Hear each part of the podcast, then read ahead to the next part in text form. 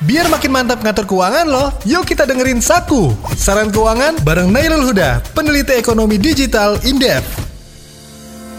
Kesalahan pertama sebenarnya ketika kita ngomongin robot trading ya, itu terlalu percaya kepada penawaran keuntungan dari robot trading. Itu yang pertama ketika kita main pasar saham, nggak ada yang namanya itu untung terus, nggak ada yang namanya itu rugi terus. Pasti akan ada yang namanya kenaikan dari harga saham dan juga ada penurunan dari harga saham. Misalkan IHSG, mungkin hari ini naik gitu, mungkin bisa jadi Senin itu turun gitu. Makanya itu pasti akan ada yang namanya keuntungan kerugian. Itu yang pasti. Robot trading yang dia menawarkan selalu untung sampai 70-80% itu udah bisa dipastikan itu scam atau fraud. Nah, yang kedua adalah untuk keputusan berinvestasi. Jadi misalkan seperti ini, kita nggak boleh taruh semuanya di satu basket yang sama. Tuh. Itu yang harus dipikirkan sebenarnya. Karena bagaimanapun juga gitu kan, kita harus ada yang namanya investasi yang memang dia aman. Kalau saya bilang paling aman itu adalah deposito, terus kemudian ada surat utang negara. Itu aman. Tapi ketika pemain investasi saham gitu kan, itu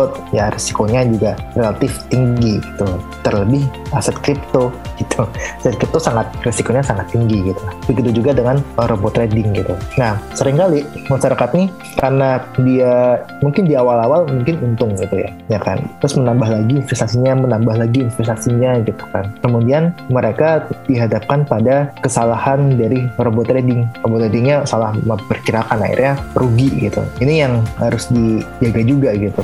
Itu dia Saku, saran keuangan. Dengerin terus Saku saran keuangan lainnya hanya di Motion 975 FM.